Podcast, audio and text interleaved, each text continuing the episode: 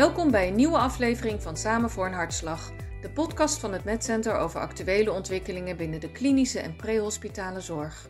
Je luistert naar Samen voor een Hartslag. Welkom Hans, ik ben uh, Ruben en uh, welkom bij de podcast over ambulancezorg. Dankjewel. Uh, je bent farmacoloog en nou, we gaan het hebben over medicatie binnen de ambulancezorg. Dus hopelijk kan je er ons veel over vertellen. Deze podcast maken we om ja, wat meer diepgang te krijgen in ons vak en daar nodigen we specialisten voor uit. Maar wil je je eerst zelf even voorstellen? Ja, ik zal me voorstellen. Ik ben uh, Hans Pot. Ik ben uh, in tegenstelling tot wat je zegt geen farmacoloog. Oh. Uh, ik ben ziekenhuisapotheker. Okay. weliswaar in opleiding nog steeds voor klinisch farmacoloog als, als aantekening. Um, en ja, ik ben ziekenhuisapotheker in het UMC Utrecht. Okay. Wat is dan gelijk het verschil tussen farmacoloog en een ziekenhuisapotheker? Nou, kijk, de ziekenhuisfarmacie is natuurlijk heel breed. Hè. We hebben productie van geneesmiddelen. Uh, dat is van oudsher natuurlijk het vak van de apotheker geweest. Ja. Uh, de ziekenhuisapotheek die doet dat vaak op industriële schaal. Uh, dan zit je ook aan het, het, keuren van grondstoffen vast, maar ook het keuren van je eindproduct. Dus je hebt een laboratorium daarvoor om eh, kwaliteitscontroles te kunnen doen. Mm -hmm. Het laboratorium doet daarnaast ook bloedspiegelbepalingen van geneesmiddelen in, in bloed. Mm -hmm. toxicologische screeningen. En we hebben natuurlijk ook binnen de, de kliniek uh, de distributie, hè? gewoon het ja. logistieke aspect van de farmacie. Ja. Uh, ja, en daar zit de inkoop natuurlijk aan vast en een stukje onderzoek hebben we nog. Ja. Uh, dat is wel heel ja, dus, dus, dus, dus Ja. de ziekenhuisapotheek is in die zin heel groot. En als je Ja. kijkt naar de klinische farmacologie, dat is meer toegespitst op eh, echt eh, de, de klinische vraagstukken. eh MTC-aanvragen, dus de medisch-ethische toetsingscommissie Mhm. Studieprotocollen voor, uh, voor medicatie. Um, ja, dus een, dat is echt een, een, een zijtak in de, in de ziekenhuisfarmaciewereld. Oké, mooi. Ja. En wat maakt je vak nou zo mooi? Um, ja, wat maakt mijn vak mooi? Kijk, het, het, mijn vak is in die zin, want het is misschien ook goed om te vertellen, ik heb uh, als aandachtsgebied neurologie en neurochirurgie. Mm-hmm. Dat is dan mijn klinisch aandachtsgebied. En daarnaast doe je dan ook de klinische dagdiensten.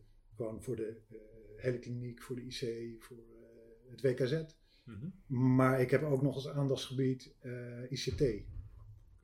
Dat is eigenlijk een stuk groter dan klinisch aandachtsgebied. omdat in het ziekenhuis hebben we allemaal voorschrijfsystemen. Ja. En ja, die, die moeten op de goede manier zijn ingericht. De artsen moeten daar op de juiste manier mee kunnen werken. Um, en IT kun je niet meer wegdenken uit de zorg. Nee, nee dat klopt. Er wordt Dus dat een is, uh, flink onderdeel van uit. Uh, ja, ja. ja. Dus die breedte maakt je ook een leuk vak. Dat je ook op het ICT bezig bent. Ja, uh, ja, ja. En zoals wij, wij, wij krijgen ook te maken met intoxicatiepatiënten. Hè? Uh, Ja. bellen we vaak natuurlijk ook met het RIVM, ook in het UMC. Maar Ja. heb jij daar ook een rol met SJA, op de SJA met patiënten? Ja, dat verschilt per centrum. Um, in principe doen wij toxicologie. Mhm. Uh, maar het is wel zo, wij hebben in het UMC natuurlijk ook het vergiftigingencentrum zitten. Ja. En die vangen, uh, want die hebben een eigen staf aan uh, internisten en uh, toxicologen. Dus die vangen al uh, het merendeel van de intoxicaties weg. Ja. En wij worden dan wel gebeld op het moment dat het om een bloedspiegelbepaling gaat. Hè? Dus als je paracetamol intoxicatie hebt of alcoholen, ja, daar heb je gewoon een specie specifieke labanalyse voor nodig die wij ja. uitvoeren. Oké, okay. En daar doen we ook de advisering in. Um, ik ben zelf opgeleid in het meanderen in Amersfoort. Mm -hmm. uh, daar deden we de toxicologie echt in de volledige breedte. Oké. Okay. En dat was ook standaard iedere week, uh, nou twee nachten zeker, dat je eruit werd gebeld. Ja, ja. met je, tijdens je dienst uh, ja. met die patiënten te maken. Ja. ja. Oké, okay. mooi. Hey, ik, wou, ik wou dit gesprek ook hebben over LPA ja. 8.1 hebben. Die heb je doorgelezen. Als jij met jou, vanuit jouw vakgebied daar naar kijkt, zijn er dingen die je daarin in opvielen? Want we gebruiken natuurlijk best wel wat ja, spoedmedicatie. Uh, ja. Waren er dingen die jou opvielen? Nou, nee. Nee, eigenlijk, of in die zin, het, het is heel uh, bazaal. Hè? Het is allemaal primaire medicatie voor, ja. uh, nou ja, uh, zorg dat de tensie op peil blijft, dat je ritmebehandeling kunt doen, ja. pijnbehandeling, een beetje sedatie.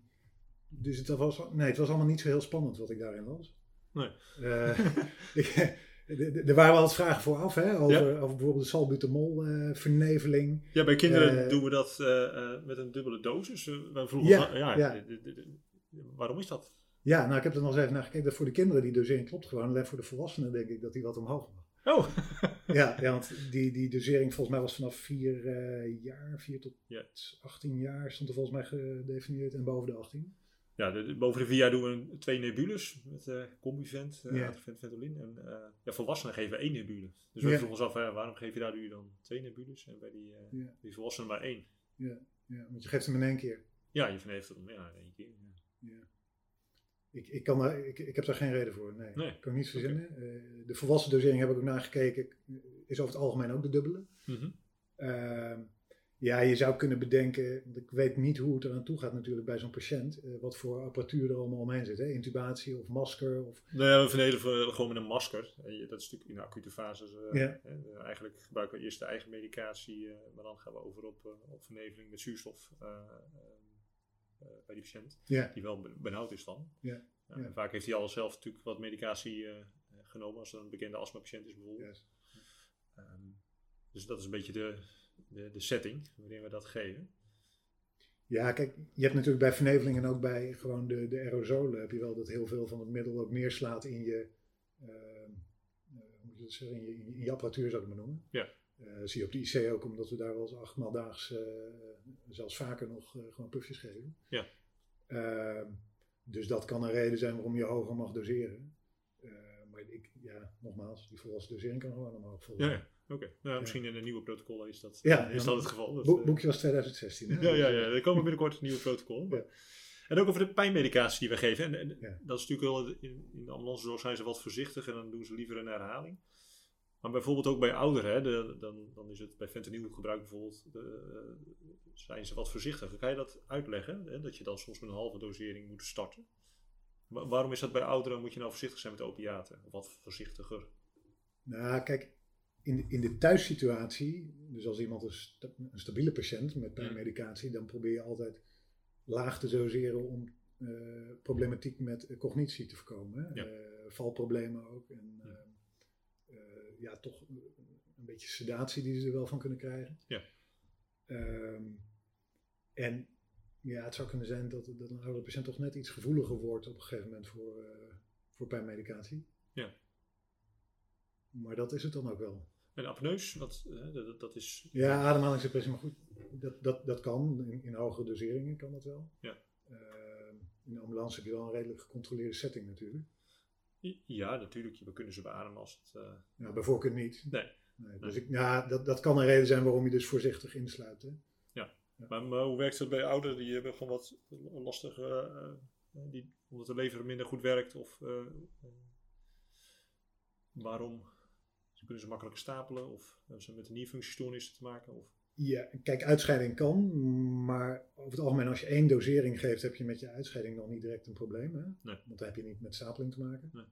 Ehm, dus, dus leverfunctie, die, ja, dat vind ik er ook niet heel relevant in die zin. Het is meer dat je dosering dan langer doorwerkt. Ja. Ehm, het is wel zo als jij een te hoge dosering geeft en je klaring, hè, dus de uitscheiding van je middel is ook vertraagd. Hmm. Dus het duurt ook extra lang voordat die patiënt weer, eh, weer bijkomt. Hè? En dan zou je tweede dosis zou wel de stapeleffect kunnen geven. Ja, theoretisch. Ja. Ja. Maar in de acute fase zeg je, dan zou je dat minder, minder kunnen zien. eh. Ja, ik denk, kijk, als een patiënt heel erg pijn heeft eh, en onrust vertoont, dan wil je dat behandelen. Ja. Eh, ja, je moet hem natuurlijk niet plat spuiten met, met je fentanyl. Nee. Dan gaat de, gaat de andere kant op. Ja. Maar ja, goed, het is ook doseren op geleide van effect. Hè? ja, dat is je een beetje titreren en je, Ja. eh, je hebt wel een eh, redelijk grote eh, range waarin je kan geven. Je mag het ook herhalen. Ja. We geven ook altijd een combinatie met paracetamol. En. We hebben ook nog ketamine als, als, als middel. Hè. Dus de, de bloeddruk ook wel, eh, als de bloeddruk wat lager is, geef je liever ketamine. Maar er zitten weer wat nadelen aan qua bijwerkingen. Nee. Kijk, dat je paracetamol toevoegt, dat snap ik, want dat is de hoeksteen van je pijnbehandeling. Ja. Eh, bij de oudere patiënten wil je NSAID's eh sowieso laten liggen, hè, vanwege Ja. eh, nierfunctieproblemen. En ook, ja, je ziet er ook nog wel maagbloedingen, maar die zullen niet direct acuut optreden. Nee. Het is meer echt het inklappen van je nierfunctie wat je daarmee kunt krijgen. En dan heb je nog een beetje zo'n zo'n half opiaat, hè, de tramadol. Oh ja. En we zeggen altijd tramadol is tramaland. Ja. Eh, want je ziet daar heel, heel vaak toch wel wat, eh, wat cholinerge bijwerkingen, anticholinerge bijwerkingen van. eh, dus urineretentie, de lier komt heel veel voor. Ja, dat zijn toch echt wel de redenen waarom je tramal bij oudere categorie patiënten niet geeft. En dan stap je liever dus naar een low-dose opiaat. Oké, ja. En de, ehm, eh, in uh, onze ambulancezorg uh, ja, geven we ook allerlei cardiale medicatie. En zeker als je bij reanimatiepatiënten ben je, als ze, als ze weer ROSC hebben, return of spontaneous circulation, dan ben je altijd blij met koester wat je hebt. Hè? De, want antiaritmica, nou, we hebben er niet heel veel, maar wel een aantal. Ja. atropine, adenosine, um, adrenaline. Um, maar heb je, heb je die medicatie kunnen zien in onze LPA? Dat je zegt van, oh ja, die dosering, um, uh, bekend van adenosine is bijvoorbeeld dat je het heel snel moet geven. En uh, een flush achteraan moet geven, omdat de halfwaardetijd heel kort is. Ja, adenosine is heel snel weer uh, verdwenen. Hè? Dus ja. het, het, effect daarvan moet je hebben van echt je piek van je, van je spiegel. Ja. En die bereik je als je je volledige dosis hebt gegeven. Ja. Volgens mij halfwaardetijd is echt seconden. Ja. Ehm, ja, dus ja, dat, dat, dat is zo weer weg. Ja. ja. Ja, de nieuwe guideline zegt ook 6, 12, 18. Dus eerst was het 6, 12, 12. Ja. Dus ook wel weer een beetje de laatste gift. Mocht het allemaal niet werken, geen effect op je ritme hebben, dan gaan, gaan ze ook alweer omhoog met uh, dosering. Ja, ja. Maar je ziet soms ook hele gekke ritmestoornissen ontstaan, maar dat is ook wel heel, redelijk snel weer weg. Uh, hoe komt het dat zo snel zo'n zo'n extreem korte halfwaardetijd heeft? Wordt het heel snel... Het wordt, heel, het wordt snel geklaard. Oké. Okay. En ik, ik weet even niet uit mijn hoofd of het renaal of uh, via de lever is. Mm -hmm. um, maar goed, je klaring bepaalt wel uh, hoe, hoe, lang je effect aanhoudt. Hè? Ja. Ik bedoel, je geeft een stofje. Ja. En dat stofje dat moet binden aan, uh, aan een stekkertje, zeg ik altijd maar. Ja. Heel, heel, makkelijk, hè, aan een receptor.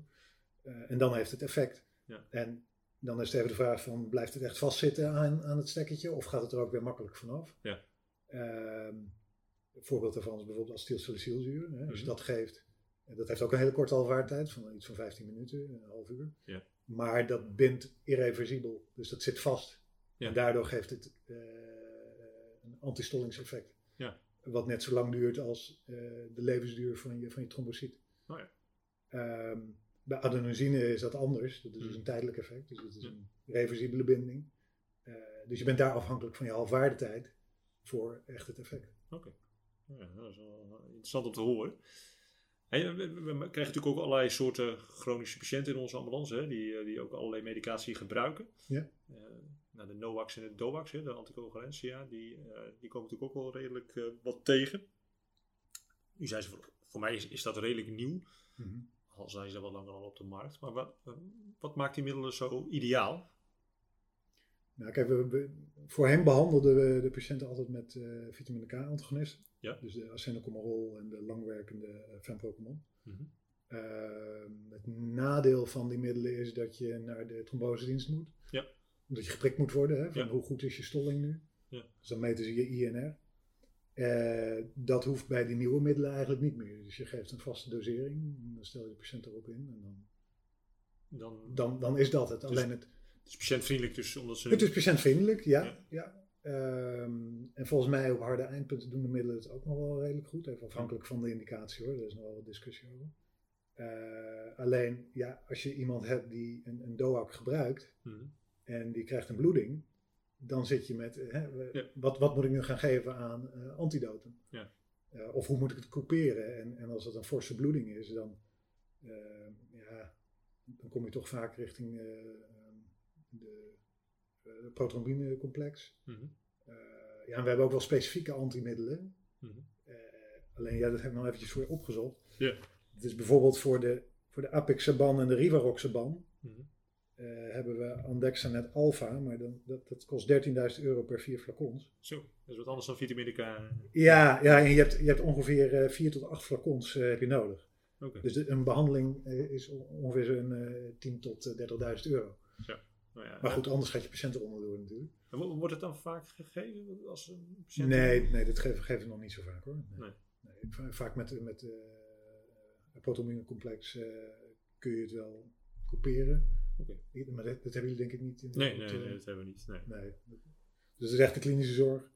Uh, ja, en vitamine K kun je inderdaad geven bij een bloeding onder vitamine K-antagonisten. Alleen het, het, nadeel daarvan is dat het effect uh, een tijdje duurt hè, voordat het intreedt. Okay. Omdat een, vitamine K-antagonist, die remt eigenlijk de aanmaak van je stollingsfactoren. En dan kun je wel vitamine K gaan geven, maar dan moeten die stollingsfactoren eerst nog aangemaakt worden. Dus daar gaan, gaan een aantal uren overheen voordat het, eh, voordat het werkt. En hier werkt dat sneller bij die middelen? Dat werkt sneller, ja. Ah. Ja. Dus dat is weer een voordeel. Dat is een voordeel. Ja. Ja. Oké. Tegen een eh, Een prijs. aanzienlijke kostenprijs. Ja, ja. En we, ehm, vroeger hadden we uh, Akinaton op de auto. En uh, Ja. bipiridine, hè, die uh, Ja. extra verschijnselen zien we, nou niet heel veel, maar uh, een collega had laatst een patiënt die uh, ja, heel erg rugpijn en heel erg verkrampt was. En gelukkig herkende die dat, maar op basis van metaclopenine, maar je ziet het ook bij Haldol of andere Kan, antipsychotica. ja. Maar kan je eens uitleggen hoe dat werkt? Of, Ja, dat is een dopaminerg effect. ja? Um, dus wat je eigenlijk doet met eh, een antipsychoticum is nog het mooiste, Haldol. Ja. Dat is eigenlijk een zuivere uh, dopamine-agonist. Mm -hmm. um,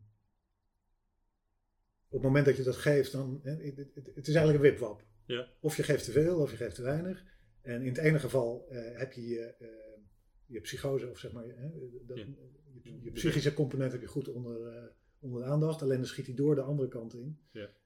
Um, en dan kan iemand daar dus uh, rigiditeit door krijgen. Ja. Uh, dus eigenlijk een soort Parkinson-effect. Ja. Want dat werkt ook dopaminair. Ja. Het is altijd die balans zoeken. Um, ja, dus ik snap dat, er dan, dat je dan bipridine of iets dergelijks uh, bij had. Dus Ja. de metclopramide zie je dat wel minder bij, omdat dat wordt, is een antiemeticum. Ja. Um, en het, het, mooie is dat het eigenlijk werkt op het braakcentrum wat net buiten de hersenvliezen ligt. Mm -hmm. Daardoor heeft het niet zo'n centraal effect. Mm -hmm. Dus je tremoren en zo daardoor zijn een stuk minder. Mm -hmm. Maar goed, ja, bij een oudje met een slechte klaring en toch een relatief hoge dosering met clopramide zou je daar wel last van kunnen krijgen. Ja. Ja. Ja. Ja, nou ja, het is wel meer dat ik dacht, oh ja, daar moet je maar net aan denken. En dan vroeger hadden we het middel op de auto, dus nu zit dat niet meer in je scope van... Uh, ja, ja. Maar zou je dit, een, is, vind je het echt een spoedmedicatie, die uh? Zou, zie je echt soms hele ernstige extrapyramidale verschijnselen die uh, zou moeten behandelen? Ik heb ze in mijn carrière niet veel gezien. Nou, nee, kan ik me niet zo voor de geest houden. Nee. nee. nee. Dat is ook de, de, reden waarschijnlijk dat het van ja. de ambulance afgegaan is. Ja. ja.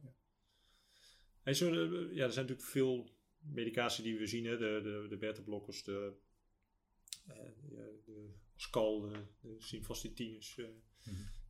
Zijn daar nog specifieke dingen dat je denkt, oh dat is handig om te weten voor je als op de ambulance? De spoed... Een spoedzitting, uh, nou de statines vind ik helemaal niet zo interessant. Nee. Dat is allemaal lange termijn uh, medicatie. Je, je, zou kunnen zeggen, kijk als je iemand krijgt met een uh, myocardinfarct of zo, althans verdenking op, hmm. dan geef je vaak hoge doses Ascal. Hè? Ja, en wij geven het dan IV, jij zei ook, hè, geef het vooral IV, maar de richtlijn zegt ook dat je het gewoon per os kan geven Ascal. Hè? Dat, ja. 360 milligram 120 tot 360 milligram is het of zo. Ja, uh, ja. Dat is ook niet helemaal duidelijk over wat nou precies de dosering is hè, bij een acuut infarct. En of je nou per os geeft of IV. Ja, kijk, oraal, dan zit je altijd met dat het nog uh, het moet oplossen. Ja. Het moet opgenomen worden en dan pas heb je het in circulatie. Ja. En je bent ook afhankelijk van hoeveel wordt er nou opgenomen. Ja. Uh, en dat is met Ascal gaat het wel goed. Ja. Je hebt ook middelen die maar, we noemen dat een biologische beschikbaarheid, ja. die maar een biologische beschikbaarheid van 50% hebben. Ja. Als je IV geeft, dan heb je gewoon 100% beschikbaarheid. Ja. En ook direct effect. Ja. En dat is het voordeel. Ja, zullen we het nog even hebben over uh, ja, intoxicaties? We hadden het in het begin al heel even over, dat, uh, dat het ook bij je vakgebied hoort. Uh, kan je eens uitleggen, er zijn verschillende soorten die wij regelmatig zien, met benzodiazepines bijvoorbeeld. wat, nou de, wat jullie nou doen ook, en welke stoffen nou gevaarlijk zijn en welke niet? Ja, ja. Um, ja, zoals ik in het begin al aangaf, van, uh, in Meander zagen we meer intoxen dan uh, hier in het UMC. Um, dat heeft niks met Amersfoort te maken dat die Amersfoorters... Uh... Nee, nee, nee, nee, nee, nee, in tegendeel. Maar uh, daar was de rol gewoon, hè, we, hebben daar, we hadden daar geen vergiftiging informatiecentrum. Nee, dus, nee, ja. um, nee, ja, kijk, intoxicaties zie je, zie je best vaak. Is ook wel een beetje seizoensgebonden. Mm -hmm. en ja, waar, waar je voor op moet passen zijn toch eigenlijk de middelen die sluipend of sluipmoordenaars kunnen zijn. Hè? Ja. En dan heb ik het eigenlijk over de paracetamol. Ja. Uh, omdat je daar het effect initieel niet van ziet. Maar op de lange termijn komt zo'n patiënt gewoon met uh, forse leverschade te zitten en die komt gewoon op een transplantatielijst. De lange termijn is een, een paar maanden? Of, uh, oh, nou, nou dat, dat, dat, is een gewetensvraag, dat, uh, dat durf ik je niet zeggen. Maar ik, ik, ik gok een koppel, dat het toch een kwestie van een paar weken is. Oké. Okay. Eén, twee weken. Ehm, alleen je ziet wel snel, als je echt een forse intoxicatie hebt met paracetamol, zie je het leverlab op een gegeven moment echt enorm stijgen. Ja, uh, ja dat is gewoon een hele slechte indicator voor, voor je prognose. Ja.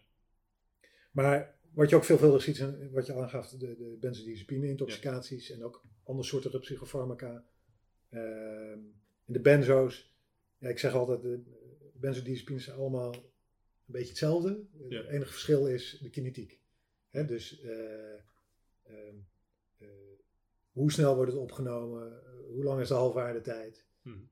en, daar, en, en het metabolisme, hè, want de, de, ene benzo wordt omgezet in de andere. Ja. En, en, werkt dan nog weer eventjes door. Dus dat zie je met diazepam en temazepam bijvoorbeeld. Maar die zijn over het algemeen niet zo gek link. Hè? Nee. Midazolam kan gevaarlijk zijn op het moment dat je het IV geeft. Dan kun je echt ademhalingsdepressie krijgen. Mhm. En met orale doseringen kan het natuurlijk ook wel. Moet je best hoog doseren. Eh, en bij een selectieve patiëntengroep hè, die al ademhalingsproblemen hebben. Mhm. eh, apneus, eh, oudere categorie.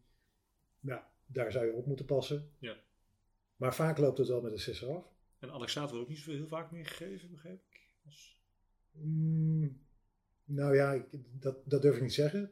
Misschien weet jij dat beter dan Nou ja, omdat ik begreep Maar- dat, dat dat vaak geen solitaire intoxicatie is. En als je een combinatiemiddel hebt, dat ze wat terughoudend zijn. Want dan Ja. laat het andere middel misschien wel weer sterker te opkomen als je, Kan. als je één middel Ja. wegspuit. Kijk, het voordeel is natuurlijk als je een middel geeft wat juist eh, voor convulsies kan zorgen. Mhm. En iemand heeft daarnaast ook benzo's ingenomen, dan heb je eigenlijk direct al coupering van dat effect. Hè? Ja. En als je dan uh, annexaat gaat geven, dan, dan kun je juist dat effect weghalen, waardoor Ja. iemand weer doorschiet in, eh, Ja. in de convulsie. Ehm, en voor de rest, Ja, die, Ja. die tricyclische antidepressiva, die zijn ook wel ja, gevaarlijk. ja, die zijn op cardiaal niveau zijn die echt wel link. Ja. Ehm, de, de, de bekende QTC-verlenging kunnen die geven. En, ja, TCA's die zijn echt, in tegenstelling tot de andere antidepressiva, de SSRI's, Hm. die zijn een stuk milder. Eh, ja, je moet daar wel heel oppassen voor serotonerge effecten, maar dat zijn vaak, dan moet je echt hoge doseringen geven. Eh, maar TCA's zijn, zijn bekend, die zijn Ja. berucht. Ja. Calciumantagonisten idem. Oké, ja. Ja, digoxine. Oké, ja. Digoxine en amiodaron ook wel. Dat komt met name omdat die, die hebben gewoon een hele lange halfwaardetijd. Hè? Dus die, en een groot verdelingsvolume. Dus Mhm. dat wil eigenlijk zeggen van als je, een, als je een geneesmiddel geeft, dan kan het zich verdelen over je vochtcompartiment. Dus eigenlijk gewoon je bloed. Ehm, nou ja, goed, als je dan je bloed leeg weet te halen met een, een, een methode van eh, of een antidotum, hè, of, of je eh, weet de, de diurese te versnellen, Mhm. of je kunt eh, dialyseren. Kan natuurlijk niet bij alle middelen, alle middelen, maar goed, dan heb je heb je, je vloeistofcompartiment leeg Ja. en dan ben je klaar, dan is het effect weg. Ja. Een middel wat een, een groot verdelingsvolume heeft, dus zich verdeelt over eh, lichaamcellen, over andere weefsels. eh, dat duurt veel langer hè, voordat, dat, voordat het eh, kwijt is. En dan kun je wel dialyseren, maar vervolgens krijg je een rebound. Mhm. Eh, zie bijvoorbeeld bij lithium. Lithium is ook een linker. Eh, dan, dan heb je een patiënt weer netjes op orde, hè, spiegels zijn goed. En vervolgens gaat de spiegel automatisch weer omhoog in de loop van de tijd. Omdat dan uit de cel weer... in- Omdat er vanuit het, het weefsel weer terugkeert eh, het bloed in. Oké. Ja, dat zijn wel de meest, meest linker intoxicaties. En heb je, je doet vaak een breed toxlab, maar Ja. eh, wij binnen de ambulancezorg proberen natuurlijk altijd te achterhalen van wat is nou de intoxicaties geweest, hè, door naar lege stips op, eh, op zoek te gaan. Helpt dat jullie om ook gerichter te zoeken of kijk je gewoon altijd breed? Nee, we kijken niet altijd breed. Ehm, kijk, het is fijn om te weten wat een patiënt van thuis uit al gebruikt. Mhm. Want dat is het meest verdacht dat hij hè, Dat ook, eh, dat, hij dat waarschijnlijk geslikt heeft. Ja. Of van zijn echtgenoot, echtgenoten. Ehm, ja, dat is een beetje de richting. Verder kun je natuurlijk kijken naar de klinische symptomen. Dan heb je al een idee van is het iets wat een cholinerg effect heeft of Ja. eh adrenerg. Ja, toxidromen, hè? dus je een beetje de grote groepen inderdaad. kijkt. eh, Ja, ja. Ja. want dan weet je, heb je een beetje een richting waar je naartoe moet. En een, een echte toxscreen, waarbij we eigenlijk dus een analyse doen, eh, om te kijken van, nou, wat zit er nou in? En Hm. daarmee kunnen we niet alles vaststellen, maar we hebben daar een bibliotheek voor die, eh, nou ja, er er zitten al een aantal honderden middelen in. Mhm. Nou, dan kun je best wel wat zaken uitsluiten. En ja, soms doe je dat als je echt niet weet wat je moet doen. Hè? Als, je, als je met rug tegen de muur staat.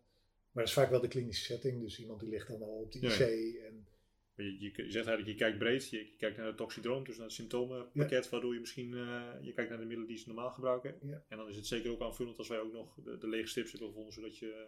nou, met name dosering. Hè? Dat je Ja. indicatie hebt van goh, hoeveel pillen zijn er nou genomen. Ja. Eh, want dan weet je een beetje wat je kunt verwachten. Ja. Ehm, de tijd vanaf inname is ook van belang. Hè? Mhm. Ehm, want dan, dan kun je bijvoorbeeld nog kiezen om actief kool met laxans te geven. Ja.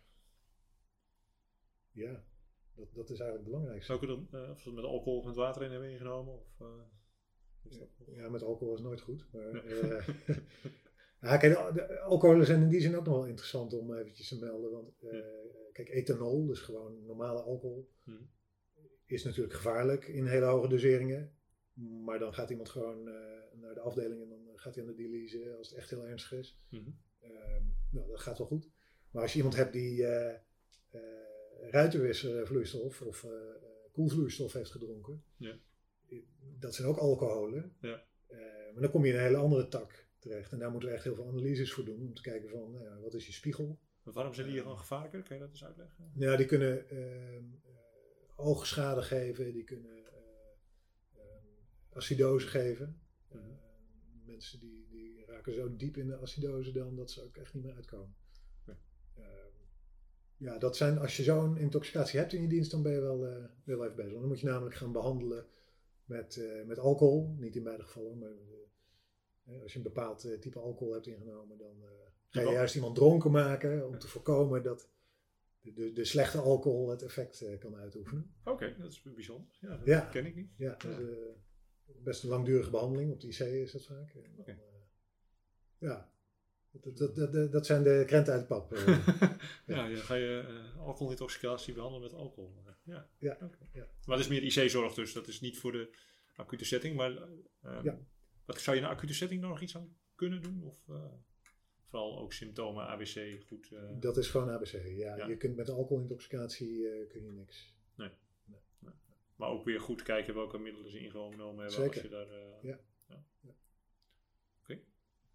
Goed, dankjewel Hans. Volgens mij hebben we een mooie podcast en veel, eh, veel informatie. Ja, die kan denk ik volgens mij nog eh, drie uur uh, volkletsen. Maar eh, Vast, vast. Ja. dankjewel. eh Nee, dank voor de uitnodiging. dat is goed. Leuk om te doen.